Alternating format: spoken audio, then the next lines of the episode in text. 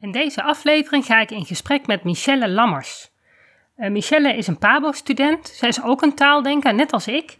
En ik ben eigenlijk heel benieuwd wat zij als PABO-student al te horen krijgt over beelddenken. Of zij beelddenkers in de klas herkent. Maar ook wat zij er nog van zou willen weten.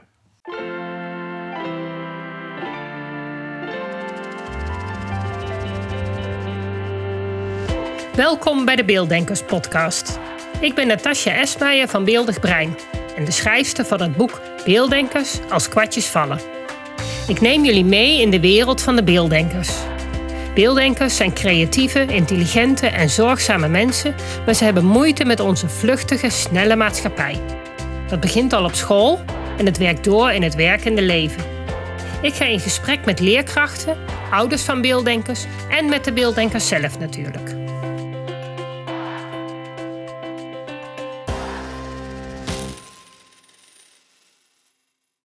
Goedemorgen, uh, ik ga vandaag in gesprek met Michelle. Michelle, zou jij je even voor willen stellen? Natuurlijk. Uh, goedemorgen, ik uh, ben Michelle, ik ben 22 jaar en ik studeer aan de PABO. In mijn derde jaar zit ik nu. En um, ik ben Natasja tegengekomen bij een sessie in de Bedenktank. En um, daar uh, kwam ik met Natasja in aanraking uh, over beelddenkers. En uh, dat interesseerde me heel erg. Dus vandaar dat ik vandaag met jou in gesprek ga. Ja, leuk. Um, je, hebt, je zei, ik, ik, ik, ik, kwam in aanraking met beelddenkers. Ben jij zelf, denk je, een beelddenker? Of ben jij zelf een taaldenker? Wat, wat, wat denk je van jezelf? Um, ik denk van mezelf dat ik een, een taaldenker ben. omdat...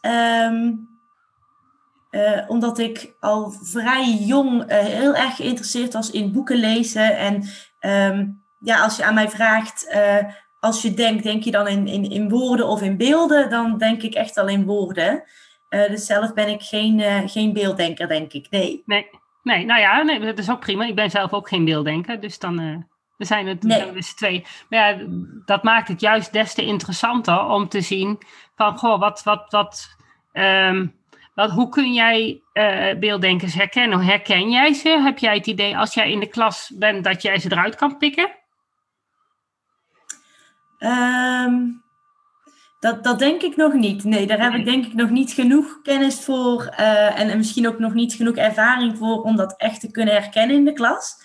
Maar ik denk dat het wel als PABO-student zeg maar goed is om er nu al mee in aanraking te komen, zodat het in ieder, bij mij nu in ieder geval bekend is dat, er, dat kinderen anders denken dan, dan, dan ik zelf. Ja. En uh, hoe ik die kinderen dan zou kunnen helpen. Ja. Ja, oh ja, dat vind ik nou juist zo mooi. Uh, ik ben heel erg benieuwd, wat, uh, want jij zit dan nou drie jaar op de PABO. Je zou verwachten dat, mm -hmm. dat, dat je op de PABO wel iets krijgt over um, nou ja, de verschillende manieren waarop kinderen informatie kunnen verwerken. En uh, hoe ze denken en zo. Maar wat hebben jullie erover uh, over gehad? Helemaal niks? Of hebben jullie wel iets gehad? Um, nou, van, op de Pabo krijgen wij uh, natuurlijk lessen. En um, vaak um, uh, wij moeten ook literatuur aanschaffen die dan gekoppeld is aan de, de vakken. Dus bijvoorbeeld ja. voor het vak geschiedenis hebben we ook echt een geschiedenisboek. En voor het vak uh, eh, PPO, dat is dus uh, waar dit soort dingen aan bod komen. PPO staat dan bij ons voor psychologie, pedagogiek en onderwijskunde. En in dat vak gaan we dan in op bijvoorbeeld ontwikkeling van kinderen of um, um, ja, dan gaat het zeg maar wel iets dieper in op hoe ja. kinderen denken. Maar echt het beelddenken als onderwerp is, is nog niet aan bod gekomen op de, op, op de Pabo waar ik, ja, nee. waar ik nu uh, op zit, zeg maar. Ik weet niet, er zijn natuurlijk heel veel verschillende soorten Pabo's. En, uh, dus, maar in Eindhoven heb ik daar nog niks, uh, niks over gehoord, helaas. Nee. En, en want de ontwikkeling van kinderen, zeg jij, want ik, in mijn boek schrijf ik ook een stukje over de ontwikkeling van kinderen. Of, en dan gaat het met name over de werkrichting. Want mm -hmm. jij weet vast wel dat er een aantal kinderen, zeker de linkshandigen, maar ook wel een aantal rechtshandigen, die hebben een hele andere werkrichting natuurlijke werkrichting. Ja. Heb je dat, heb je daar op school wel, hebben jullie dat wel al gekregen? Um, dat is wel een keer voorbij gekomen, maar niet heel erg duidelijk aan bod gekomen dat ik precies kan vertellen wat het is. Oké. Ehm, maar ehm, ehm, wat ik net zei over de ontwikkeling van kinderen, dat is natuurlijk belangrijk als je bijvoorbeeld in de onderbouw les geeft, dat je ook weet wat je van de kinderen kan verwachten. Ja. dus bijvoorbeeld jonge kinderen die, uh, zeker in een kleuterklas heb je groep 1 en 2. Dus dan heb je kinderen in groep 1 die zijn al een jaar of 4, 5. Mhm. En groep 2 is, groep, is ja, een jaar of 5, 6. En uh, dan zou je denken, oké, okay, nou ja, de, de leeftijd ligt zo dicht bij elkaar, dat, dat zal qua ontwikkeling wel meevallen. Maar uh, soms zijn er echt hele duidelijke uh, verschillen. En dan is dat dus te verklaren vanuit bepaalde ontwikkeling, zoals bijvoorbeeld een sociale ontwikkeling, of een cognitieve ontwikkeling, of een mo mo motorische ontwikkeling. Waardoor het kind uit groep 2 toch al echt wel verder is dan een kind uit groep, groep 1. Of juist dat je ziet dat een kind uit groep 1 juist echt al, al op een niveau is dat hij eigenlijk nog niet, niet hoeft uh, ja. te halen. En dat, dan ga je ook nadenken van, oh oké, okay, hoe, kan, hoe kan dat dan weer? En dat is een beetje hoe wij bij PPO dan zeg maar um, ja, daarover praten. En, uh, we nemen dan stageervaringen. Wat heb jij gezien? Uh, hoe zou dat kunnen verklaren vanuit de theorie? wat vind je daar zelf van? Dat is een beetje hoe wij, hoe wij werken eigenlijk. Ja, nou ja, vind ik op zich ook al heel nuttig. Want ja. ja, als je ziet dat een kind na vier jaar, die heeft hij van, van helemaal niks kunnen, heeft hij al geleerd om bijna zijn fetus te strikken, bij wijze van. Precies. Dus dat is al heel wat. Als ja. je dan één jaar erbij optelt, dat is gewoon een kwart van je leven dat erbij opkomt. Ja, voor, voor de Ja, kinderen toch? inderdaad wel, ja. Ja, Ja, maar dat, dat is veel. ja. En uh, volgens mij zit er wel bij, bij uh, rond de 3,5 geloof ik een omslagpunt. Dat ze inderdaad uh, meer kunnen. En dan bij de 5,5 weer geloof ik. ja. Dat ze echt naar een ander stadium gaan. precies. Maar ja, dat kan ook ja. 6,5 zijn. Dat, dat omslagpunt van 5,5, dat, dat, dat, dat kan inderdaad bij sommige kinderen ligt het al voor de 5,5. En daarna, um, dat kan ook bij 6,5 pas. Uh, en dan vaak Ja, bij jongens later, de, gemiddeld bij jongens later dan bij meiden. Volgens Dat mij op die leeftijd kan het wel een half jaar schelen. Oké, Nou, niet voor alle jongens natuurlijk, maar voor een aantal Nee. jongens kan dat. eh, en zullen ongetwijfeld ook een paar meiden zijn die, eh, die dat allemaal. eh, ja, waarbij het gewoon wat langzamer gaat. Ja, dat is Ja. volgens mij nog steeds wel een natuurlijke ontwikkeling. ja. Wat niet wil zeggen dat er qua intelligentie. Ja, en wat ik ook heel erg merk is dat kinderen vaak op, maar op één ontwikkelniveau kunnen groeien, kunnen leren. Dus ze kunnen niet en motorisch leren en ook nog cognitief dan heel druk aan het leren zijn en dan ook nog sociaal heel druk. Als ze sociaal heel erg aan het ontwikkelen zijn, dan staat het cognitieve weer een beetje stil. Dan is daar even geen ruimte voor. Oké, ja, ik heb eh, juist gelezen in een boek dat eh, de, zeker bij jonge kinderen, dus dan praat ik over kinderen tussen de eh, drie en de zes, zullen we maar even zeggen, voor, om het makkelijk te houden. Daar heb ik juist gelezen dat kinderen holistisch ontwikkelen. Wat betekent dat ze op verschillende gebieden tegelijk kunnen ontwikkelen. Dus het kan best zijn dat als een kind een werkje aan het doen is waar hij bij moet schrijven, dat Mhm. hij tegelijkertijd ook, ehm, dus dat is motorisch zeg maar, en tegelijkertijd ook met een vriendinnetje in gesprek kan gaan. Ja, ja. Dat is sociaal zeg maar. Ja. Dus dat ze bijvoorbeeld, ja, dat ze wel op verschillende gebieden tegelijk kunnen ontwikkelen. En ik denk dat het bij jonge kinderen ook echt wel een lang proces is. Dus ehm, het is niet zo dat als ze eh, aan motorisch aan het ontwikkelen zijn, dat de rest dan stilstaat, zeg maar. Oh, dat denk ik ook niet. Maar Nee. wat, wat je bij, en dat zie je dan heel veel bij, bij zeker kinderen als, uh, met autisme of ADHD of zo. Mhm. Die hebben vaak heel veel moeite, zeker op latere leeftijd. Ik ben niet zo thuis in de hele jonge leeftijd. Maar dat ze dan wel echt ehm, ja, momenten hebben dat ze uh, echt maar één stuk goed kunnen ontwikkelen. Ja. Zou, dat, zou dat kunnen zijn dat het bij kleuters misschien, als jij juist inderdaad toch uh, autisme of ADHD hebt, ja, dat, dan zou dat natuurlijk ook wel kunnen. Maar dan, dan is het meer de, de, de, ja, de, de aandoening of de, de, de veranderende structuur van de hersenen. Of, en ook het, het zenuwstelsel dat zich langzamer ontwikkelt bij deze. Uh, ja. Ja, precies. Er zijn eigenlijk. Ja. Er zijn natuurlijk altijd uitzonderingen met, uh, ja, ja. Die, die, daar meer problemen mee hebben, inderdaad. Maar in het algemeen, als, als ik het goed heb begrepen, dan, dan uh, ontwikkelen jonge kinderen zich echt wel holistisch. Echt wel van alles. Uh, ik denk ook heel veel eh, heel veel dingen die je leert gaan ook gepaard met beweging. Ja. Je moet het ook doen, je moet het beleven, je moet het meemaken. En dat is vooral bij kleuters natuurlijk nog heel erg het geval. Ja, Echt dat absoluut. Ja, leren. Ik, gaf net al aan dat, uitgang, dat er uitgangspunten zijn voor het jonge kind. Mhm. En een van de uitgangspunten is ook eh, door waarnemen met zintuigen, door Ja. zo, zo te leren, zeg maar. Ja, Ja. dat is ook echt wel belangrijk. Ja, en dat geldt dat denk ik voor beelddenkers nog veel meer.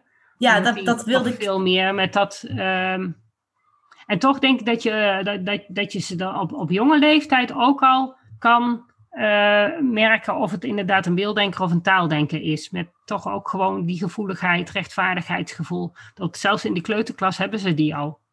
Ja, ja, absoluut. Absoluut. Ja. Dus dat is voor jou dan wel een, een hele leuke. Op het moment dat ze heel erg op de regeltjes zitten en vooral anderen en zichzelf aan bepaalde regels houden, Mhm. dat zijn vaak de beelddenkers.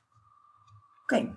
En dan weet je ook dat ze dus inderdaad ehm, eh, dingen eerst moeten begrijpen voordat ze het kunnen gaan doen. Terwijl de andere kinderen het juist leren door het stapje voor stapje te herhalen en eh, van onderaf op te bouwen. Ja. Ja, dat, er zit wel een duidelijk verschil in, inderdaad. Want ik Ja. had eh, natuurlijk al wel een klein beetje verdiept in, in, in jouw podcast. En natuurlijk in, ja, in, in wat is beelddenken nou precies. Want ik Ja. had daar echt helemaal geen, geen idee van eh, voordat ik jou kende.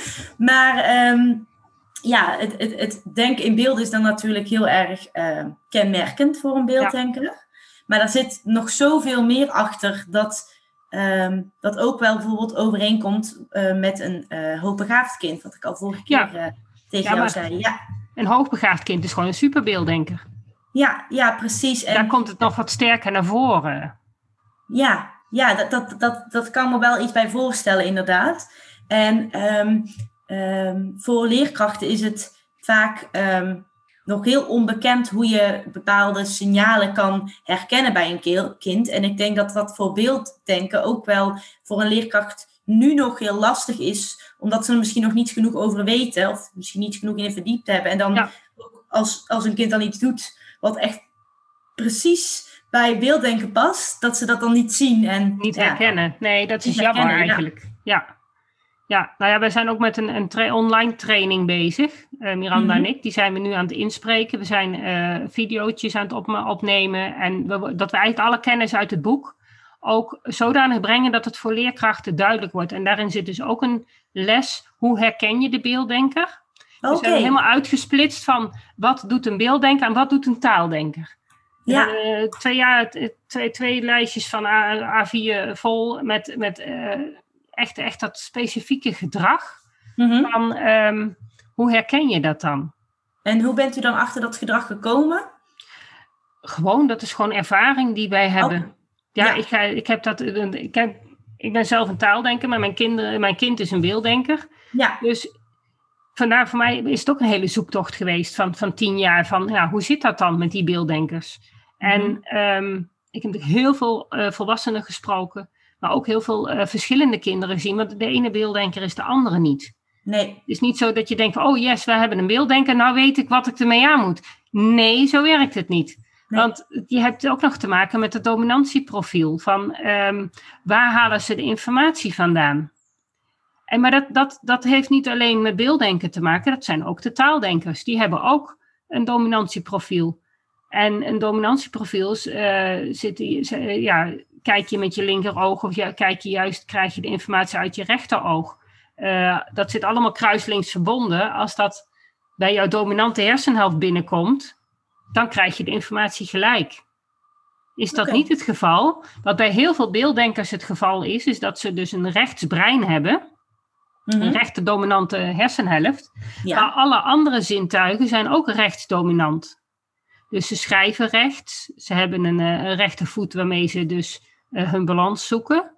Ze hebben Mhm. een rechter oog waarmee ze kijken en een rechter oor waarmee ze luisteren. Dat betekent dat alles op de verkeerde, in de verkeerde hersenhelft binnenkomt en dus verwerkt moet worden in eh, de andere hersenhelft. Dat, geeft, dat, dat zorgt ervoor dat je dus meer tijd nodig hebt om al je informatie te verwerken en om dus antwoord te geven.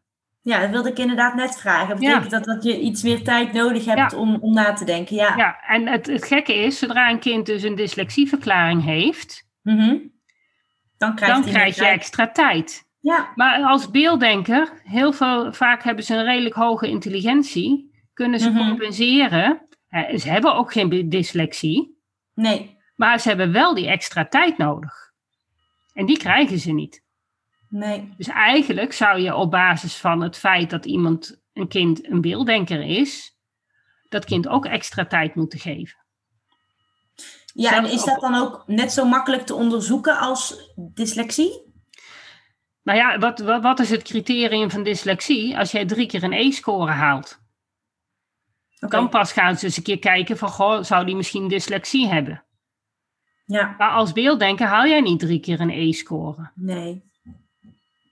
Nee, maar het, het hele. Um, want uh, een dyslexieverklaring uh, is natuurlijk vooral voor de middelbare school heel handig, denk ik. Op de basisschool ook al wel.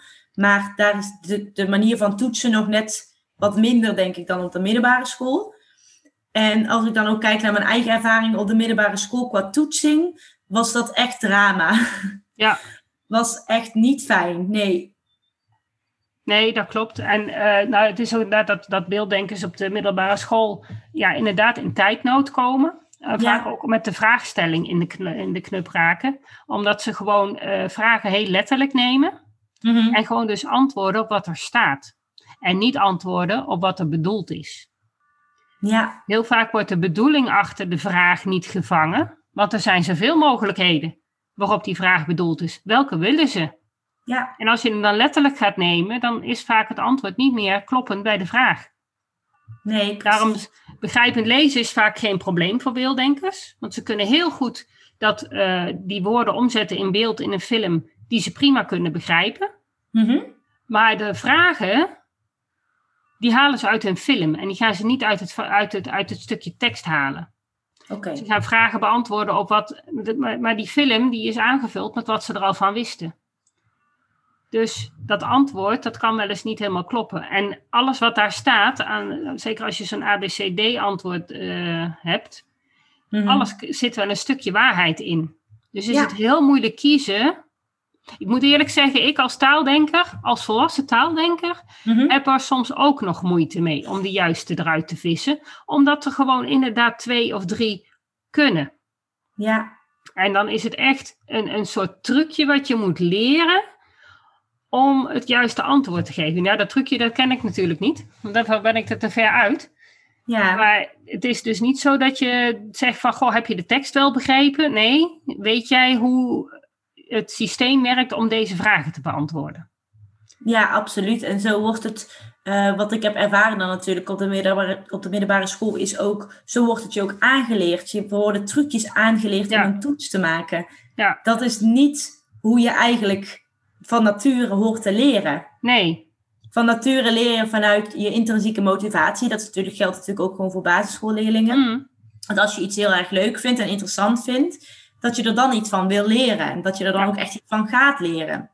Ja. ja, dat is ook voor waar je beelddenkers ook aan kan herkennen. Is Ja. dat ze altijd willen weten waarom ze iets moeten leren. Ja, En ze stellen die vraag niet altijd. Maar het zit er wel achter in hun hoofd. Van ja, maar waarom moet het dan op deze manier? En eh, waarom moet ik het überhaupt leren? ja. Dus dat, dat is echt. En, en als iets moet, ja, dan beginnen ze er al helemaal niet aan. En waarom is dat dan? Dat, dat moeten, waarom is dat dan zo'n taboe voor beelddenken? Eh, omdat ze in hun hoofd eerst een heel plaatje willen hebben van Mhm. ehm, hetgene wat ze moeten leren en waar ze dat dan uiteindelijk, ja, waar dat naartoe leidt. Als jij alleen maar eh, krijgt van je moet dit doen Mhm. en er zit geen context bij, Mhm. dan kun je in je hoofd niet een proces voor elkaar, een concept maken van, nou ja, ik moet dit doen, want dan gaat het straks dat gebeuren. Er is geen, er is geen samenhang dan. Oké, maar als ik dan kijk bijvoorbeeld, ga, ik weer even terug naar de kleuterklas, omdat Ja, ja. ik daar het, het meeste ervaring heb, het meeste over kan, eh, kan vertellen. Ehm, is dat eh, eh, als een kleuter net eh, binnenkomt, eh, dus is net vier, dan is eigenlijk het begin, ehm, wat eigenlijk in het begin even belangrijk is, is dat de, de kleuter de regeltjes in de klas leert. En er zijn regels voor een reden natuurlijk. Dus de reden van de regel kan best worden uitgelegd, maar er wordt wel van het kind verwacht dat hij of zij zich aan de regel houdt. Ja. En is dat voor een beelddenker dan ook lastiger dan voor een taaldenker? Dat kan, als het, zolang jij het goed, uh, zolang uh, hij jouw vertrouwen heeft. Mm -hmm. Dus jij bent wie je bent en je doet ook wie je bent en je zegt ook hoe je je voelt en je, je gaat dat niet verbloemen en jij bent eerlijk naar hem en je ziet de, de, de, de, de leerling, ook al is hij pas vier, als gelijkwaardig. Mm -hmm. En hij vertrouwt jou daarom, dan wil hij best wat voor jou doen. En als jij dan uitlegt van nou, weet je, we moeten hier allemaal uh, met z'n allen op een stoeltje gaan zitten en dan moeten we stil zijn. Want dan hoort iedereen wat ik te vertellen heb. Ja. Een logisch geheel, kijk, dat is een oorzaak en gevolg. Dan kan hij daar wat mee. Oké. Okay. En uh, wat, wat, wat beelddenkers heel sterk willen, is niet opvallen. Uh, zich netjes aan de, de standaard houden. Ja. En uh, dus dat, dat is ook iets wat je bijvoorbeeld met hoogbegaafde kinderen hebt. Die kunnen thuis vaak al veel meer dan dat ze op school laten zien. Mhm.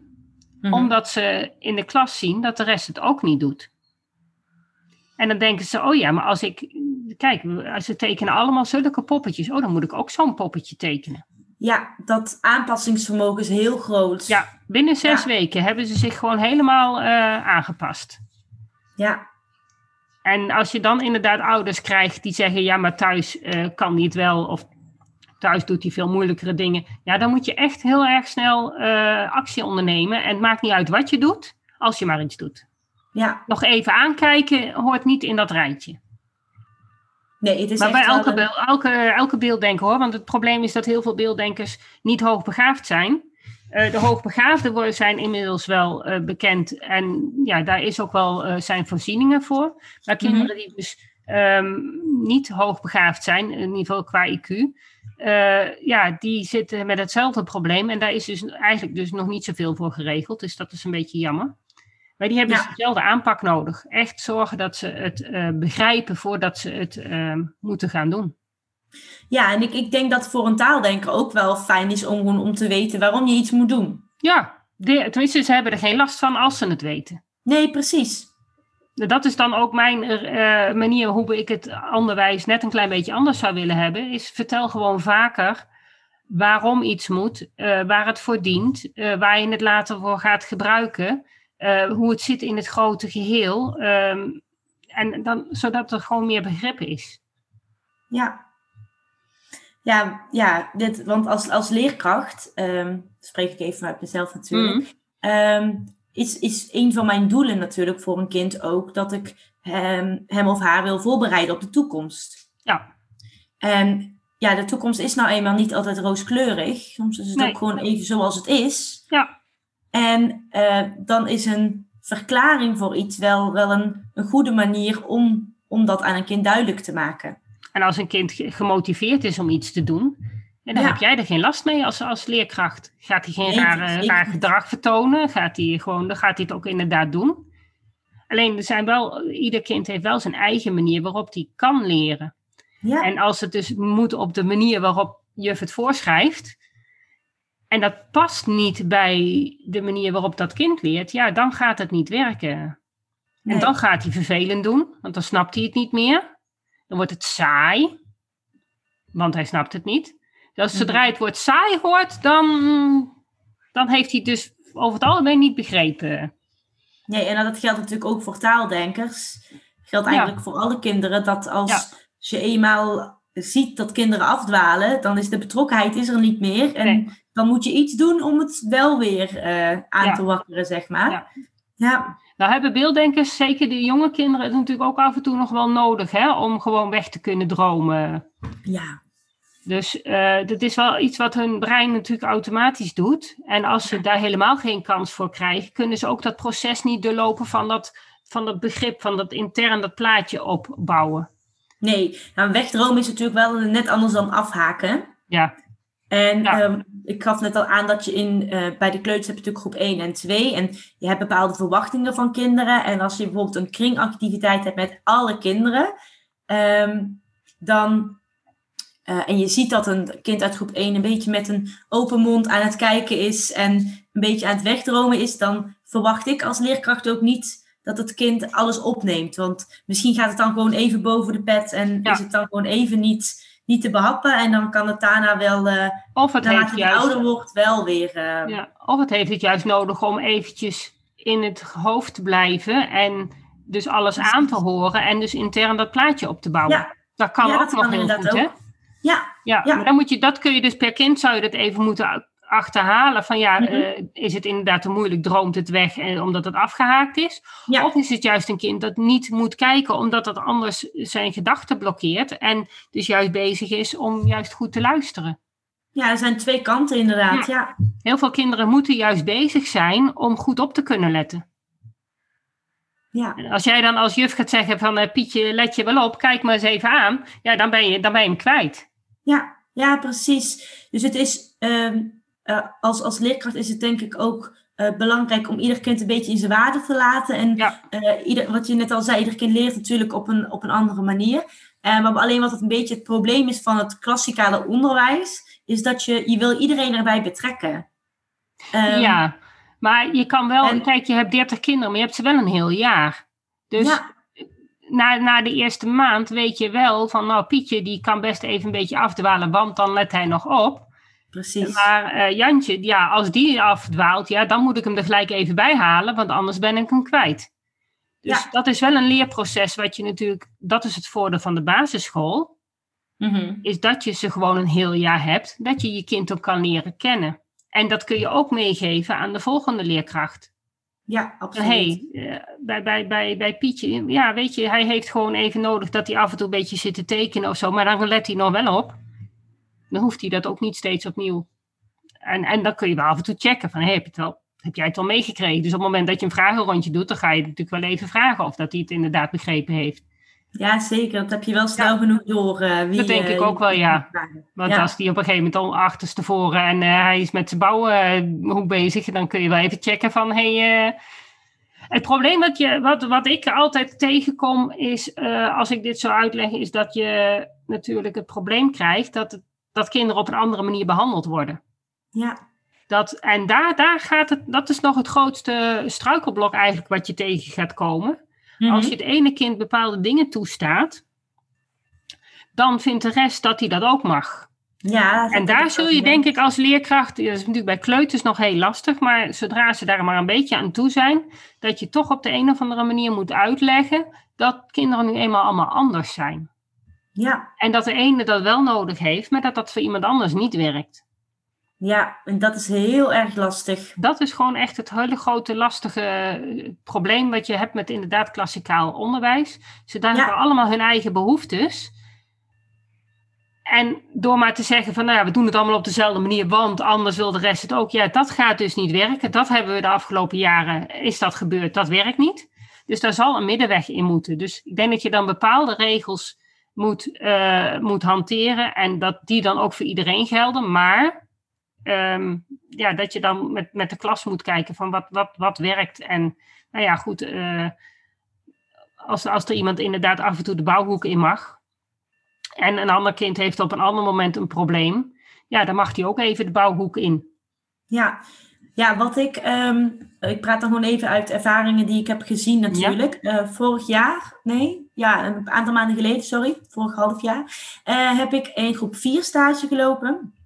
En eh daar zat een kind wat, wat behoefte had aan beweging, om het zo maar even te zeggen. Ja. Dus hij, het werd hem soms een beetje te veel eh, in de klas. En hij had dan een kaart. En daar, mocht hij dan twee of drie keer per dag, per dag mocht hij daar gebruik van maken. Mocht hij even een rondje gaan rennen op het plein. Ja. En ehm, daar maakte hij ook zelf echt gebruik van. Zonder, zonder dat de leerkracht zei van... Oh, zul- heb je er even behoefte aan? Of hij, hij kon echt vanuit zichzelf bedenken... Oh, nu heb ik daar behoefte aan. Maar dat is wel al een kind van groep 4. Ja. Dus die Ja, kan dat al een, zelf eh, bedenken. Ja, Maar we hadden dan een meisje op school en die had diabetes. Ja, En die, had, eh, ja, en die zat af en toe te hoog met haar s- bloedsuiker. Moest dus ook even gaan rennen op het schoolplein. oké. Dus als zij dat nodig had, mocht zij ook gaan rennen op het schoolplein. Ja, en het mooie van was namelijk dat, mijn, eh, dat de leerkracht, die, ehm, eh, had dat niet alleen met het kind besproken, maar ook Mhm. echt met de hele klas besproken. Ja. Eh, en even gevraagd aan het kind van, oh, vind je het goed als ik dit bespreek? Ja, geen probleem. Mhm. En even uitgelegd, oké, hij heeft hier behoefte aan, dus hij doet, hij doet dat. En de sfeer Ja. in de klas was zo fijn daarna. Iedereen vond het prima, want ja, dat, dat heeft de juf zo gezegd, dus dan is het goed. Ja, daarom. Ja. Als je het maar bespreekbaar maakt en het gewoon niet wegzet als eh, die is raar of die moet dat hebben. Want, Nee, nee, want of, het, of je nou diabetes hebt of je bent snel overprikkeld, wat is het verschil? Er is iets waardoor jij daar af en toe behoefte aan hebt. ja, Alleen van diabetes wordt het vaak sneller geaccepteerd, want ja, daar kun je nou eenmaal niks aan doen. Maar dat jongetje kan er ook niks aan doen dat hij overprikkeld is. nee, En vandaar, nou ja, en dat meisje heeft inderdaad ook op een gegeven moment uitgelegd in de klas dat ze een pomp had en dat ze nou eenmaal af en toe moest gaan rennen. ja, Dus dat is eigenlijk, en dat is, dat, je moet het zo bespreekbaar maken. Het is niet een, het, het is geen ziekte, het is geen aandoening, maar het is wel een behoefte die je hebt. ja, precies. En als je van elk kind gewoon heel goed eh, laat, laat, laat accepteren van, nou ja, jij hebt daar problemen mee, maar je bent daar weer heel goed in. En want die andere kinderen, die hebben wel weer andere dingen waar ze minder goed in zijn. Ja, En zo, zo kun je elkaar wel in een waarde laten. En dan heb je inderdaad, nou ja, en als een ander kind ergens anders behoefte aan heeft, ja, dan, heeft die, dan kun je daar wat voor afspreken. ja, En als je dan Ja. zegt, nou ja, een rondje op het schoolplein rennen, nou ja, als er dan misschien zijn er wel drie die daar behoefte aan hebben, nou, dan zijn er dus drie met een kaart die behoefte hebben. En er zijn er misschien ook drie die behoefte hebben om af en toe in de blokkenhoek te gaan zitten. Ja, dan hebben die daar een kaart voor. Ik vind zo'n kaart op zich is wel heel handig, denk ik. Omdat je Ja. dan dat ook weer beperkt. Dat het niet onbeperkt is dat ze daar gebruik van kunnen maken. Want dan wordt het op een gegeven moment misbruik. eh, en dat moet je ook niet hebben. Want, Nee, want je ook kunt- wel weer kijken. Als jij als juf eh, een, een, een concessie doet, moeten zij dat ook doen. Dan hou je die gelijkwaardigheid. Ja, ja, inderdaad. Want jij gaf net aan dat eh, voor sommige kinderen er zijn inderdaad andere behoeftes. En die hebben dan misschien ook andere afspraken. Maar omdat eh, dat ene kind dan iets mag, eh, denkt, de andere, denkt de rest van de klas, oh, dat mogen wij dan ook. Eh, toen moest ik wel heel erg denken aan van ja, als leerkracht wil je ook consequent handelen. Dus je wil ook dat ervoor zorgen dat ja, een regel is een regel. Dus als je je niet aan houdt, ja, is daar een, zit daar een consequentie aan. Het hoeft niet per se een straf te zijn, maar het is gewoon een consequentie dat kinderen weten: oké, ja, hier moet ik me gewoon aan houden, anders, ja, anders is het iets minder fijn of is het. eh, is Ja, het maar ja, goed, anders dan wordt het ook een zooitje in de wereld. Als we ons met z'n allen niet aan regels houden. ja, want Geef dat, gewoon dat het voorbeeld van de verkeersregels. precies, ja, Ja, ik net zeggen. ja. Ja, bij het verkeer heb je precies hetzelfde. En eh, dat kun je ook wel als voorbeeld gebruiken in de klas. Als, als er geen stoplichten zouden zijn en je, kan altijd maar doorrijden, ja, dan gaat het fout. Ja, dan hebben we snel heel, heel, echt de hele stad vol eh, staan volgens mij met auto's. En dan komt er niemand meer op zijn werk. Dat denk ik ook niet, nee, Nee. inderdaad. Nee, maar door, eh, door het inderdaad zo'n zo'n papiertje te geven, het is maar iets heel kleins, en er een, een limiet aan te zetten, dus grenzen aan te geven, eh, is het voor een kind wel duidelijk, oké, ik mag het dus maar drie keer. En ehm, kijk, bij kleuters is dat nog wel echt heel lastig, maar bij eh, groep drie, vier en zelfs, zelfs de bovenbouw is het Mhm. eh, nog makkelijker, kan je ze ook zelf laten nadenken. Eh, Oké, ik heb er dus maar drie. Als ik in de ochtend dus echt heel erg onrustig ben, zet ik er één in. Dan zal ik er nog één bewaren voor de middag of zal ik ze nu allemaal opmaken? Daar gaan Ja. ze moeten dan zelf over na gaan denken. Ja. Ik denk op het moment dat kinderen nog wat jonger zijn, dat je dat eh, samen met ze moet doen. ja, Dat je dan wel zegt van nou, je hebt, je hebt drie momenten op een dag. En dat je dan op het moment dat jij als leerkracht ziet eh, dat hij inderdaad heel onrustig wordt, dat je zegt van hé, hey, misschien is het wel tijd om je eerste momentje even te pakken. precies. Ja, in het begin is daar echt nog wel begeleiding bij nodig. Maar het zou, ja, het zou zo fijn zijn als een kind aan het einde van de, van de schoolloopbaan, dus aan groep 7, 8, dat echt gewoon helemaal zelf kan. Dus dan weet Ja. het kind ook hoe die in elkaar zit. Ja, ik denk dat, want, want je leert op school natuurlijk eh, rekenen, lezen, spelling en, en, en, en topografie als je het eh, een beetje mee zit. En Mhm. misschien nog een beetje Engels. Eh, maar je moet natuurlijk onder andere, als jij naar de middelbare school gaat, is het zaak dat jij weet hoe jij kan leren. Ja, precies. En alle taaldenkers weten dat vaak wel. Want Ja. dat, ga- dat leren ze gaandeweg. Maar beelddenkers haken af. Want die, die, die, die lopen ergens in het proces lopen ze vast. Als ze, nog, uh, als ze redelijk intelligentie hebben, kunnen ze nog wel compenseren. Maar het gaat vaak niet vanzelf. Dus nee. ze zijn vaak heel veel tijd kwijt en energie kwijt om zichzelf aan te passen aan ja, de manier waarop er geleerd wordt. Maar ze kunnen niet hun eigen natuurlijke manier van leren ontwikkelen. En nee, daar, is ruimte voor. Daar is geen ruimte voor. En terwijl ze daar wel de rest van hun leven mee verder moeten. Ja. En daar mist het nog, nog een stuk van dat, dat, dat beelddenkmanier van leren. Daar is geen ruimte voor, maar daar zou wel ruimte voor gemaakt kunnen worden. Door wat meer uh, op begrip te gaan en niet iedereen datzelfde uh, methodeboek door te laten worstelen. Maar datzelfde methodeboek misschien voor de taaldenkers in te zetten, maar voor de beelddenkers er een alternatieve route naast te maken, die wel dezelfde sommen gebruiken, maar bijvoorbeeld minder sommen hoeven te maken. Of, maar dus meer inzetten op begrijpen waar je mee bezig bent. Ja. Nou is dat als leerkracht in je eentje natuurlijk wat lastiger voor elkaar te krijgen, maar je kan het wel op, op niveau, kun je daar best wel heel wat mee al. Door gewoon al wat meer klassikaal les te geven en, en gewoon verschillende stromingen aan te sturen. Maar dat doen ze nu ook al. Dat, ik weet zeker in, bij ons op school, we hadden ze ook al vier groepjes met rekenen. Daar kun je ook een groepje maken van, nou jongens, jullie mogen wat meer met materiaal. We gaan even wat meer de grotere context erbij halen. Ja. En, en dat, gaat, dat, dat eerste proces duurt dan wel wat langer, van het begrip kweken. Maar ja, mhm. daarna hoeven ze ook niet meer zoveel te oefenen. Want je kan ze duizend sommen laten oefenen, weten ze het nog niet. Nee. Er gaat heel veel tijd in zitten. Terwijl als jij veel minder tijd stopt in het zorgen dat ze snappen waar ze mee bezig zijn, dan ben je uiteindelijk veel sneller klaar. Ja, precies. En um, um, uh, mijn, uh, mijn docent van eh, PPO is, was zelf ook eerst leerkracht voordat hij HBO-docent werd, zeg maar. En die vertelde dat hij was ook echt wel een voorstander van um, lesgeven aan de hand van behoeften, zullen we het maar even ja. noemen. Dus bijvoorbeeld um, uh, bij rekenen, dan uh, het, het, in groepjes werken, dat noemen wij differentiëren. Mm. Dus vaak heb je drie groepen. De, de, de, de middenstroom, de onderstroom en, de, en daarboven. Ja. Dus uh, de onderstroom heeft wat meer begeleiding nodig. Degenen die daarboven zitten, die, die kunnen zelfstandig aan de slag. Want die, die zijn vaak heel intelligent en weten het allemaal al. En de middenstroom heeft gewoon de normale instructie nodig. Zo mm -hmm. is het ja. het nu opgebouwd. Ja. Um, en vaak loop je er dan in de klas tegenaan dat dat eigenlijk helemaal niet goed werkt. Nee. En hij heeft dat dus toen, toen hij dus nog docent was uh, op de basisschool, heeft dat dus helemaal anders gedaan. En hij is echt gaan kijken naar, oké, jij hebt hier behoefte aan. Dus jij gaat hiermee aan de slag. We doen het niet volgens de methode. Als jij je uh, breuken wil leren, ga jij breuken leren. Ben jij met procent bezig? Prima. Dus iedereen was met iets anders bezig. En toen gingen die kinderen naar een andere klas, dus een jaar hoger. Mm. En toen dacht die leerkracht, oh jee. Ja.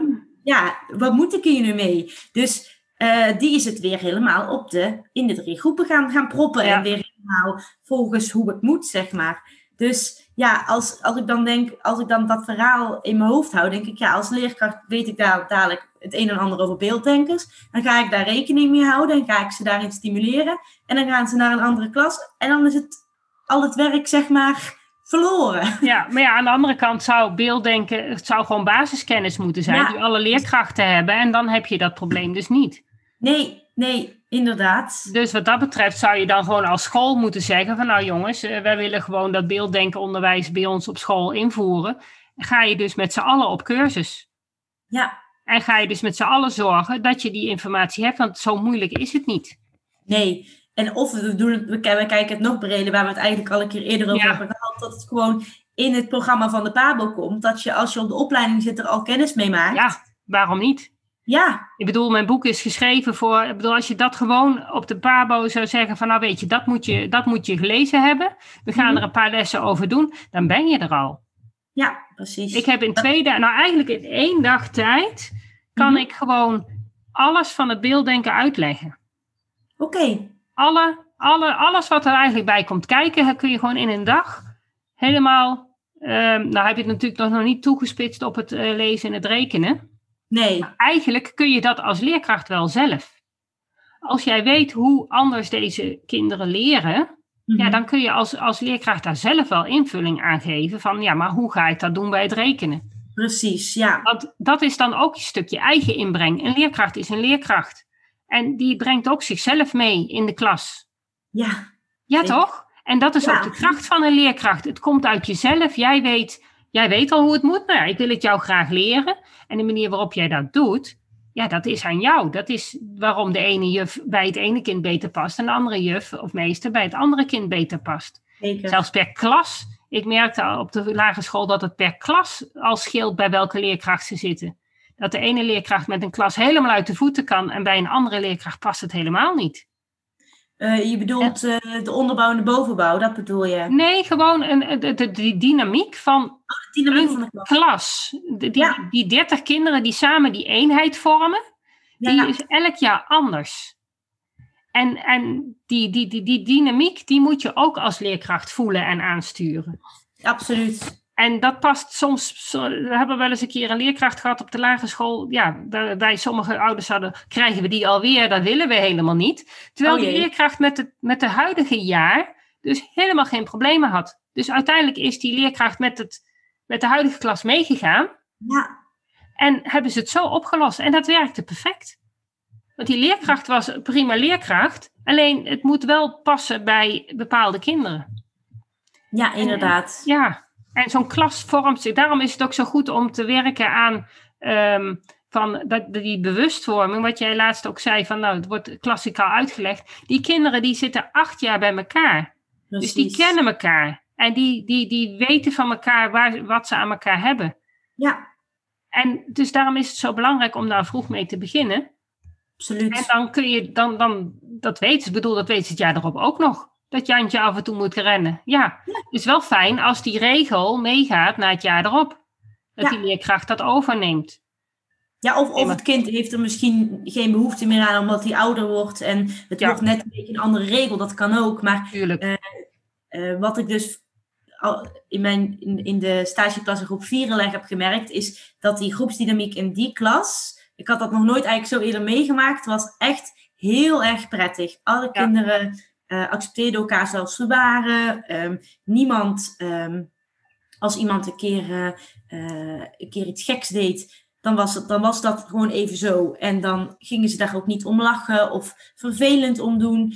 Want ik heb ook wel eens klassen meegemaakt waar, ja, waarin echt eh, ja, pestgedrag werd, werd ja, Ja. wat daar heel duidelijk aanwezig was. Van, oh, jij bent raar, dus laten we jou, jou eens even de grond indrukken, bij wijze Ja. van. Hè? Dat Ja. was heel naar om te zien. En eh, dat, dat heeft echt te maken gewoon met de, de samenstelling van de kinderen. Zeker. Ja, en ik denk dat je daar als leerkracht wel wat eh, invloed op hebt. Natuurlijk niet alle invloed. Als jij toevallig een paar kinderen erbij krijgt met een hele sterke wil, die, die toevallig heel erg botsen, ja, wordt dat heel lastig. Maar Precies. ik denk dat je als leerkracht ook zeker wel ehm, daar wel in kan sturen.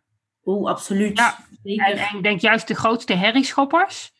Dat zijn vaak de kinderen die, die het meest onzeker zijn en die het minst gezien worden voor waar, waar hun behoeftes liggen. ja, En als je daar naar die kern weet te komen, dan denk ik dat je de, de, de grootste problemen aan kan pakken. Want ik zie heel vaak dat het eh, hoogbegaafde kinderen zijn die vaak eh, vervelend gedrag vertonen. Mhm. Daardoor niet meer gezien worden als zijnde hoogbegaafd Nee. omdat het vaak cognitief er ook niet uitkomt. Want het zijn beelddenkers die gewoon niet in het schoolsysteem passen. Heel sterk hebben, eh, allergisch zijn voor, voor moeten. En dus niet weten waarom ze iets moeten doen. nee. Dat een leerkracht vaak op jonge leeftijd nog niet de woorden weet te vinden om het ze duidelijk te maken. En vaak ook het nog te kinderachtig willen doen. Nou, daar zijn ze al heel snel klaar mee. De meeste beelddenkers, hè, die moet je vooral niet te kinderachtig be- benaderen.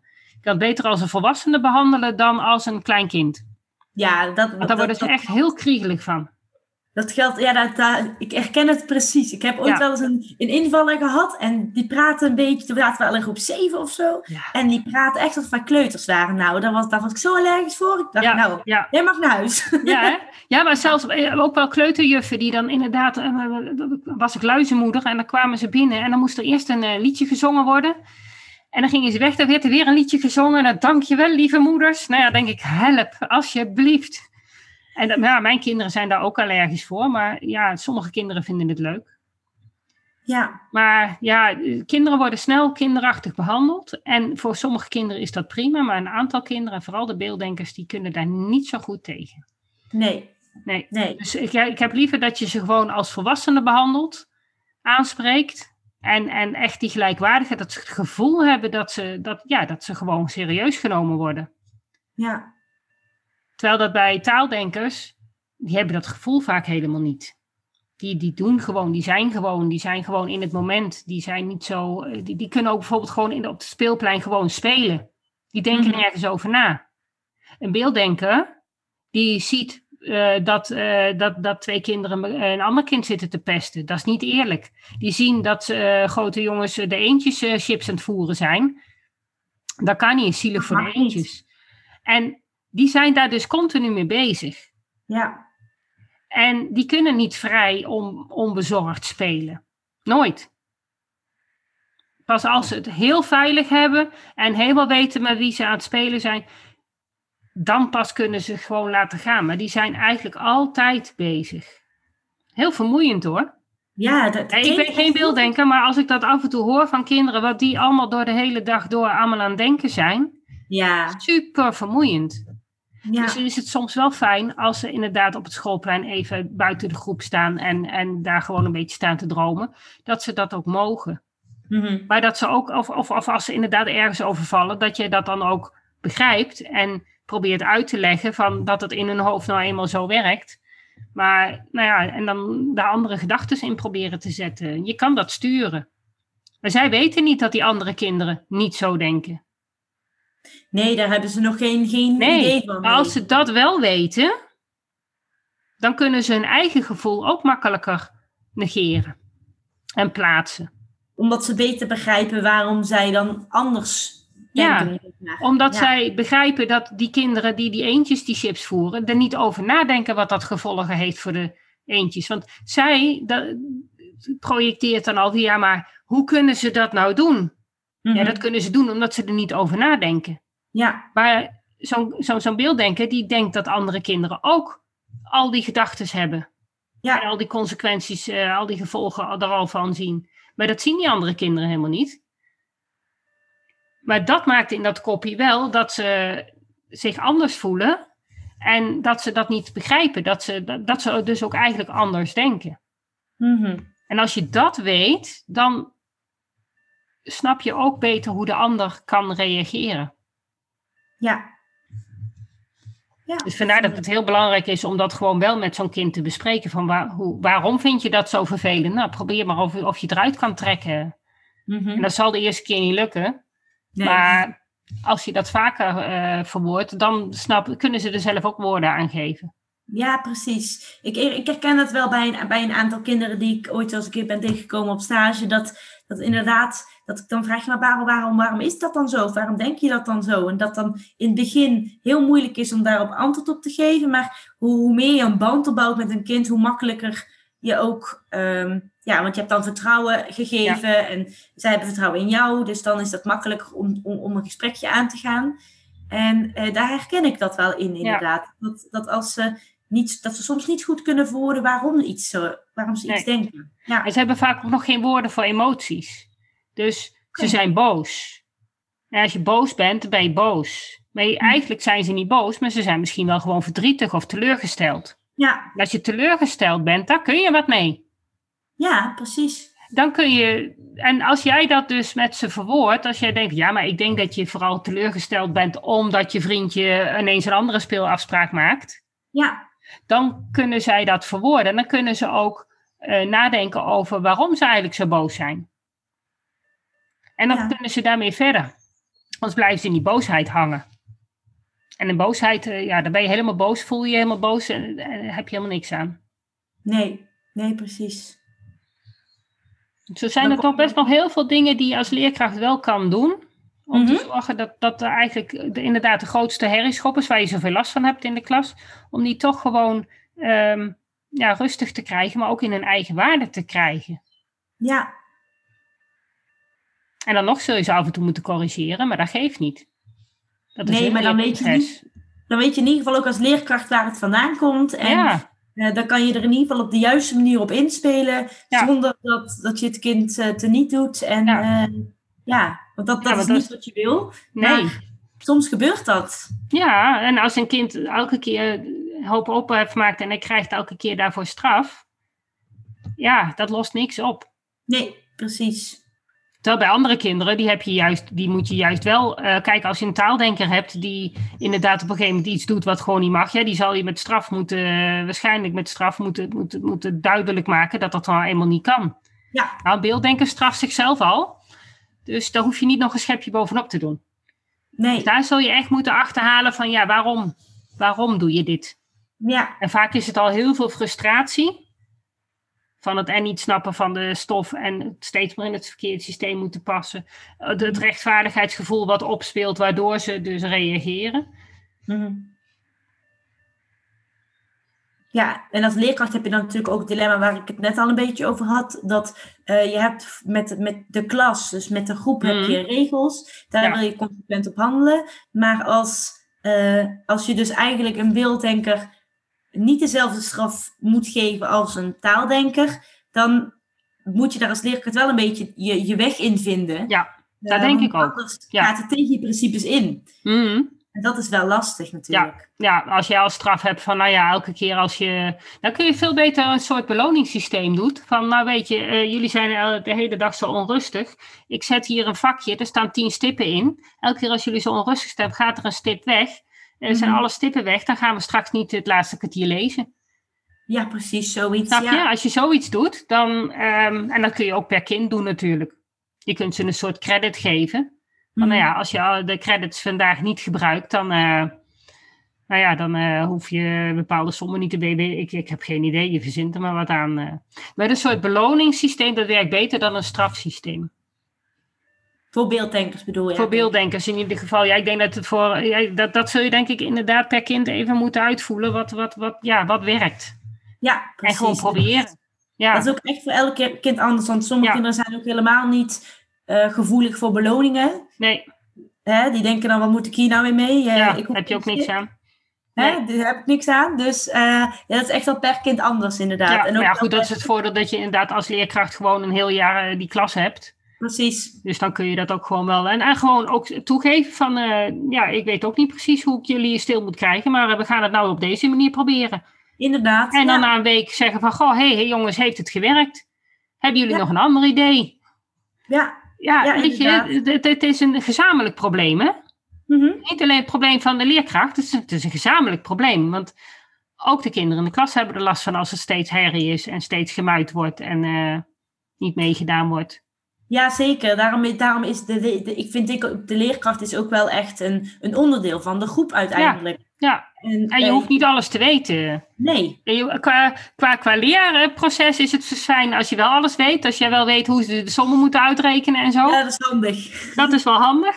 En dat je dat ook nog een beetje kan overbrengen. Oh, dat lijkt me ook een vereiste. Hmm. Maar buiten dat hoef je echt niet altijd alles maar te weten. Want nee. wat leer jij je kinderen? Dat ze foutjes mogen maken. Precies, ja. Je mag als leerkracht ook foutjes maken. En ja. als dat gebeurt, dan geef je het gewoon toe. Zeg, goh, dat was niet zo handig. Of volgens mij had ik dat toch anders kunnen doen. Uh. Ja, inderdaad. Ja. ja dat, dat, probeer ik ook steeds meer te doen. Ik vind dat zelf wel lastig, omdat ik erg perfectionistisch ben van mezelf. Mm. Uh, dat, ik heb wel vaak meegemaakt dat veel leerkrachten daar, daar ja, last van hebben. Is raar om te zeggen, maar dat uh, die eigenschappen hebben. En het is maar net hoe je daarmee omgaat. Want ehm, ik, ik, ik ben me nu wel bewust van dat als ik uh, bepaalde verwachtingen heb van mezelf, dat ik die onbewust aan de kinderen ook uitspreek uh, door, door mijn gedrag. En dat is ja. natuurlijk niet mijn bedoeling. Uh, dus bijvoorbeeld fouten toegeven is al echt al een grote stap om te laten zien: oké, okay, die is ook niet perfect. Nee, nee, maar ja, je stelt je natuurlijk wel kwetsbaar op dan, hè? Ja, nou, zeker. Dat... dat doe ik in de klas altijd wel hoor. Want uh, ja. ik, ik, ik, ben wie ik ben en ik ja. kan niet uh, uh, niet doen alsof, ik, alsof het alles goed gaat. Zo, nee, zo ja, maar dat hoeft ook niet. Ik denk ook niet dat leerlingen dat van jou verwachten. Nee, nee, je prikt er zo doorheen. Ja, dat denk ik wel. En dan ben je veel verder van huis. Ja, absoluut. Want dat, dan, dan krijg je dat vertrouwen ook niet als nee. jij niet jouw ware ik laat zien. Nee. Nou, heb je toch al iets goeds geleerd, hè? Van maken, natuurlijk, maar dat heb ik met jonge kinderen nog niet zo meegemaakt, gelukkig. Dat is vooral als ze een beetje beginnen te puberen, dan, ja, dan, wordt het lastig. Doordat ze denken, oh, als ik dan dit zeg, dan gaat de juf zo reageren. En ja. Dan, ja, want je moet natuurlijk ook, kijk, je moet een onderdeel zijn van de groep. Aan de andere kant moet je er ook boven staan en ook uh, een soort van structuur bieden en ook een soort van discipline bieden. Ja. Dat geeft namelijk ook veiligheid. Ja, absoluut. Ja, je hebt een beetje ja, twee rollen, kan ik niet zeggen, maar je hebt meerdere rollen. In, ja, daarom. Jij, jij bent wel de leider van de, van, van de gang. Dus uh, jij, moet, jij bent wel degene die, ja, die uiteindelijk de, de, de, de lijnen uitzet. Waarbij je best af en toe de kinderen ook een stuk uh, verantwoordelijkheid daarin kan geven. Nou ja, we hebben zoveel uren vrije tijd. Uh, hoe gaan we dat indelen? Vinden ze alleen maar prachtig. Leer ja, zeker. Ook van. Moeten wel grenzen aan zitten natuurlijk. Zitten wel die grenzen. Ja, dat moet je allemaal kaderen. Ja. Je moet het allemaal kaderen, maar binnen kaders uh, is het wel fijn als ze inderdaad zelf ook wat kunnen inbrengen. Precies. Ja, er moet wel een beetje ruimte zijn. En, en voor beelddenkers ook ruimte dus om na te denken. Beelddenkers om, om de tijd te krijgen om inderdaad het hele plaatje in hunzelf op te bouwen. En niet van een plaatje uit het boek, maar gewoon echt dat ze begrijpen wat ze moeten doen en ja, waarom ze dit moeten doen. Ja. Als je dat voor elkaar krijgt, en dat hoeven ze niet in de allereerste les al voor elkaar te hebben. Nee, dat gaat ook niet. Dat gaat ook niet lukken. Maar wel dat je al vanaf de allereerste les het bredere plaatje er een stukje bij haalt. Ja. En dan ben je al een heel eind op de goede weg. En dan dat ze in ieder geval ook de erkenning krijgen van hé, hey, wij doen het met z'n allen op deze manier, maar bij jou werkt het een beetje anders. En ze zijn nooit alleen. Er zitten altijd een paar beelddenkers in de klas. Zet ja. ze desnoods bij elkaar als je de rekenles uitgeeft. Van, goh, hey, jullie doen het even op die andere manier. We krijgen er ja. blokjes bij. Of nou, we gaan, jullie gaan even met wat meer getallen aan de gang. Of ik bedoel, je zult in groep 3 echt aan de, naar de 100 moeten gaan rekenen. En ik doe zelfs al over de 100. Dat ze in ieder geval laten zien. Ook kinderen die gewoon niet zo'n hoog IQ hebben en het heel moeilijk vinden. Laat ze Mhm. alsjeblieft ook de moeilijke sommen maken. Ja, ja Want gewoon proberen. Ja, en da- daardoor krijgen ze alleen maar het begrip hoe het met die makkelijke sommen moet. Alleen maar angstvallig, nee, ja, je hebt die sommen tot 20 nog niet geautomatiseerd, dus gaan we nog niet verder. Ja, dat, dat helpt het kind niet. Nee, en kan een kind ook, ehm, misschien klinkt dat heel gek hoor, maar een taal- en een beelddenker zijn? Eh, nee, dat kan niet. Maar je hebt natuurlijk wel, kijk, het is geen zwart-wit situatie. Nee, dat, dat was inderdaad meer mijn vraag. Ja, eh, het is niet zo dat je alleen maar eh, de eigenschappen van de rechterhelft of alleen maar de eigenschappen van de linker hersenhelft hebben, hebt. Er is altijd Nee. een mengeling. En de ene zal heel veel hebben van een beelddenker en heel veel hebben van een taaldenker. En de andere zal, eh, zal juist wat veel meer in het midden zitten. Ja, Want je zegt zelf ook al, van jij bent een taaldenker, maar je bent ook perfectionistisch. En volgens mij ben je ook best wel gevoelig. Dus ja, dat betekent dat jij dus ook gewoon heel veel dingen van de rechter hersenhelft hebt. Ja, nee, in het begin vroeg je inderdaad de vraag van ben je een beeld- of een taaldenker? En ik had al wel een klein beetje eh, over nagedacht, maar ik, ik vind, vond het wel heel moeilijk om er antwoord op te geven, omdat ik me ook wel heel erg herken in, in, in, in veel dingen van de beelddenker. Dat ik denk, oh ja, dat doe ik ook wel heel veel, dat is ook wel... Maar ja, uiteindelijk dacht ik, nou, ik, ik richt me gewoon op hoe ik denk. Hmm. En als ik dan Ja. nadenk hoe ik denk, dan is er geen film in mijn hoofd, er zijn er echt Nee. woorden. Dus Ja, wat echt heel belangrijk is, is eh, wil jij dingen stap voor stap? Ik bedoel, dat, dat merk ik ook als ik thuis met mijn man aan het werk ben. En waren Mhm. we laatst weer wat aan het ophangen. En dan Ja. hij, hij begint gewoon en denkt, nou, dat moet daar komen. En nou ja, dan lukte het niet. Het zat allemaal scheef en het wilde niet. Ik zei, nou, kom. Dus ik ga gewoon heel rustig, stap voor stap. Hoppa, dat ding erop, die erop, aftekenen. Nou ja, en dan gaat het in één keer goed. ja, ja. Waarschijnlijk al omdat ik bij hem al heb zien stuntelen en inmiddels dat hele proces dus al geanalyseerd heb. Mhm. Eh, als ik het als allereerste dus blanco had moeten beginnen, weet ik ook niet of het goed was gekomen. Maar dat stukje terug van hey, analyseren en het stap voor stap kunnen maken, dat mis je vaak bij beelddenkers. Oké. Dus als jij inderdaad heel goed dingen eh, voor je kan plannen en even stap voor stap wil doen, ja, dan ben je gewoon echt een taaldenker. Wat niet wil zeggen dat je inderdaad niet perfectionistisch kan zijn of niet, eh, taalde, eh, niet, niet hooggevoelig kan zijn. Maar die Ja. hooggevoeligheid is waarschijnlijk wel heel anders dan dat een beelddenker hem beleeft. Ja, precies. Dat, dat wou ik dan weer net vragen. Van, eh, dus een taaldenker kan bepaalde kenmerken van een beelddenker herkennen. Is dat dan ook andersom? Dat een beelddenker wel ook bepaalde kenmerken van een taaldenker kan hebben? Kan Tuurlijk. ontwikkelen? En het is ook natuurlijk zo, kijk, als jij, eh, je, hebt ook ontwikkeling van het kind gehad, maar die ontwikkeling gaat verder, hè? Dus Mhm. Ja, zeker. eh, met een jaar of negen gaat het weer een stapje verder. En Mhm. daarna in je puberteit wordt die, de hersenhelft die bij jou dus niet dominant is, die ontwikkelt zich ook verder. Dus je krijgt steeds meer dat je gewoon, en dat zul je ook merken, jij was nu 30, zei je? Als jij 50 bent. Oh, ik ben zul- 22. Oh, 22, sorry. Eh, nou, als je 30 bent, zul je al merken dat het makkelijker gaat. Als Ja. je 50 bent, zul je merken dat je nog veel meer ehm, alles kan gebruiken. Oké, Dus ik bedoel, dat eh, het blijft zich ontwikkelen. ja, ja. Daarom zeggen ze ook, wijsheid komt met de jaren. Dat Ja. komt omdat je dus die hersenontwikkeling blijft gewoon doorgaan. ja. Dus je kunt veel meer, beter en alles overzien en alles analyseren.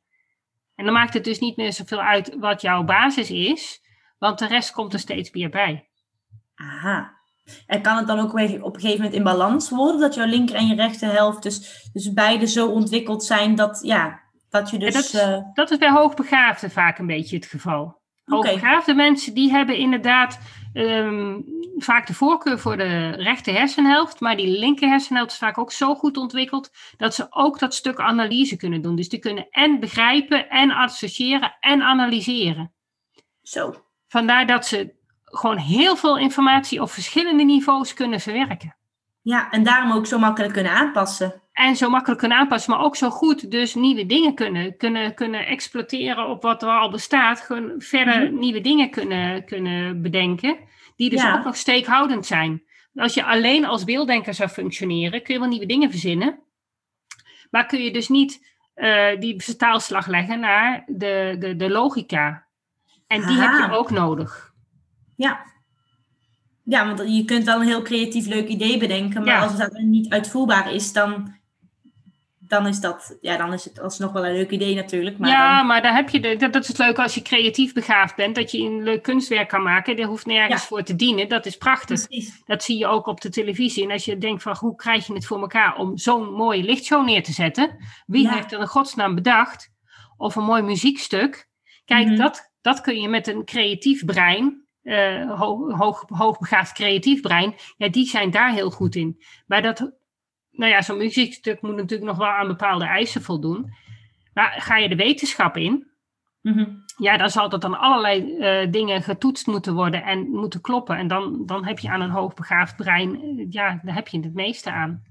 Ja. Want die kunnen dat echt op alle manieren. Dus ja, het is niet zo dat het zwart-wit is. Nee, nee dat, dat, dat verwacht ik ook niet. Maar ik Nee. vroeg het me gewoon af, omdat ik dacht... maar wel ja, bij, bij jonge kinderen dus nog wel, hè? Bij, ehm, eh, want, want je begint altijd natuurlijk eh, heel, heel sensorisch als Mhm. baby. Maar ook daar zit er al dus verschil met welke hersenhelft eh, dominant is. Maar Mhm. als je eenmaal op de lagere school zit, dan is het er op een gegeven moment alleen je, de eigenschappen van je dominante hersenhelft die tot uiting komen, waar je dus mee kan leren. Dus op Ja. de- vanaf groep drie is het of het begrijpen of het opbouwen. Ah, En nog niet alle twee. Dat komt pas later. Nee, want, want ze zijn daar nog te jong voor om... om ja, die, om die hersenen zijn gewoon nog niet zo ver ontwikkeld. nee, als, je, als je een baby hebt, die twee hersenhelften, die staan nog helemaal los van elkaar. Die doen Ja. helemaal niks samen. Er Dus- zijn nog niet genoeg verbindingen gemaakt Nee. in de hersenen. Nee, dat doe je met het kruipen. En daarom zijn hoogbegaafde kinderen vaak eh, niet motorisch niet zo handig. Mhm. Omdat ze niet gekropen of heel kort gekropen hebben. Die hebben helemaal die verbindingen niet kunnen leggen. Oké. Die zijn daar te snel doorheen gegaan. Oh, oké, grappig, ja. Ja. En die zijn dus ook helemaal niet gewend om dingen te herhalen. Want dat hoefde vroeger helemaal niet. Want het ging zo al. Ze konden het zo al. Dus Ja. dat hele reptiele brein is niet geoefend. Oké. Dus ja, dat, dat, het kan heel leuk zijn, hoogbegaafd zijn. Maar het zit ook nadelen aan. Ja, zeker. Ja, dus het is geen, eh, geen luxe probleem. Het is echt wel iets waar je kinderen heel erg mee moet begeleiden. Ja, absoluut. Net als, net als bij beelddenkers hebben ze Ja. daar gewoon, als we het dan even weer over de klas hebben, hebben ze daar wel de leerkracht voor nodig om eh, ja, om te beseffen, oké, ik ben een beelddenker of oké, ik ben een hoogbegaafde. Ja. Uh, maar hoe ga je daar dan mee om? En, Ja. eh, Ja, dat is per kind verschillend, denk ik. Ja, En het is ook niet zo dat ze... Het is niet zo dat ze alles vanzelf weten, hè? Nee. Mijn dochter die was ook redelijk vlot, dus die liep ook voor met rekenen. Mhm. Maar die, moest, dus die kreeg dus het rekenwerk al een stukje verder, mocht vooruitwerken. Maar ja, ze moest Ja. dan wel, met de uitleg moest ze wel bij de klas zitten. Dus zij kreeg steeds uitleg van dingen die ze net zelf bedacht had, uitgevonden had, hoe het moest. Nou, Ja. dat vond ze dus echt helemaal niks. Nee. Zij dat- wil, zij wil gewoon de uitleg op het moment dat zij die sommen moet gaan maken. En niet pas achteraf, van ja, dan heeft het geen zin meer. Nee, dat, dat is wat ik net ook zei met dat differentiëren. Ja. Wat, wat, wat, ja, wat ons wordt geleerd en, en wat, wat we als leerkracht vaak doen, eh, werkt gewoon niet, niet voor Nee. ieder kind. Nee. Nee. Nee. Nee, terwijl zij dat zelf uitvinden, prima. Maar geen enkel kind weet uit zichzelf hoe ze bepaalde sommen moeten maken. Dat zullen ze eerst moeten uitvinden. En liefst met een beetje uitleg erbij, zodat je zeker weet dat de juiste strategie gevolgd wordt. Dat is inderdaad ook nog een belangrijk. En wat, wat, ja. wat ik nu ook in het rekenonderwijs heel erg tegenkom, is eh, rekenen is heel simpel. Mhm. Als je wil optellen, je zet gewoon onder elkaar en je hebt zo uitgevonden. Maar dat leren ze pas ergens in groep 6. Ja. Tot die tijd. Moeten ze dat met getallenlijnen doen? Nou, beelddenkers en getallenlijnen is geen goede combinatie. Dus als ze bij mij komen, hebben ze mazzel, want dan leer ik ze gewoon hoe het onder elkaar moet. En dan, dan snappen ze hoe ze kunnen uitrekenen. En aan de hand daarvan ga ik terugwerken. Oké. Dus eerst onder elkaar zetten van, nou ja, weet je, je doet de, de, de eenheden bij elkaar, dan gaan we de tientallen bij elkaar doen. Doe ik dan ook met vingers. Voor die eenheden zet ik streepjes neer. Mhm. En voor de tientallen zet ik er tien staafjes neer. Mhm. Dan zien ze ook precies wat ze aan het doen zijn. En, Ja. En dan vervolgens zeggen, nou ja, maar weet je, we kunnen het niet altijd onder elkaar zetten. Dan zet ik de som achter elkaar. Maar ja, maar je kan nog wel steeds hetzelfde doen. Je kan nog steeds die eenheden bij elkaar tellen. En je kunt ook nog steeds tientallen bij elkaar doen. Ja. En de honderdtallen bij elkaar doen. Nou ja, als ik over heb, nou ja, dan eh, tel ik dat bij de, bij, bij de buren op. Ja. En op die manier snappen ze veel beter eh, hoe het zit. Want die getallenlijn, dat zijn allemaal trucjes die ze allemaal moeten leren. En ze hebben geen idee waar ze het voor nodig hebben.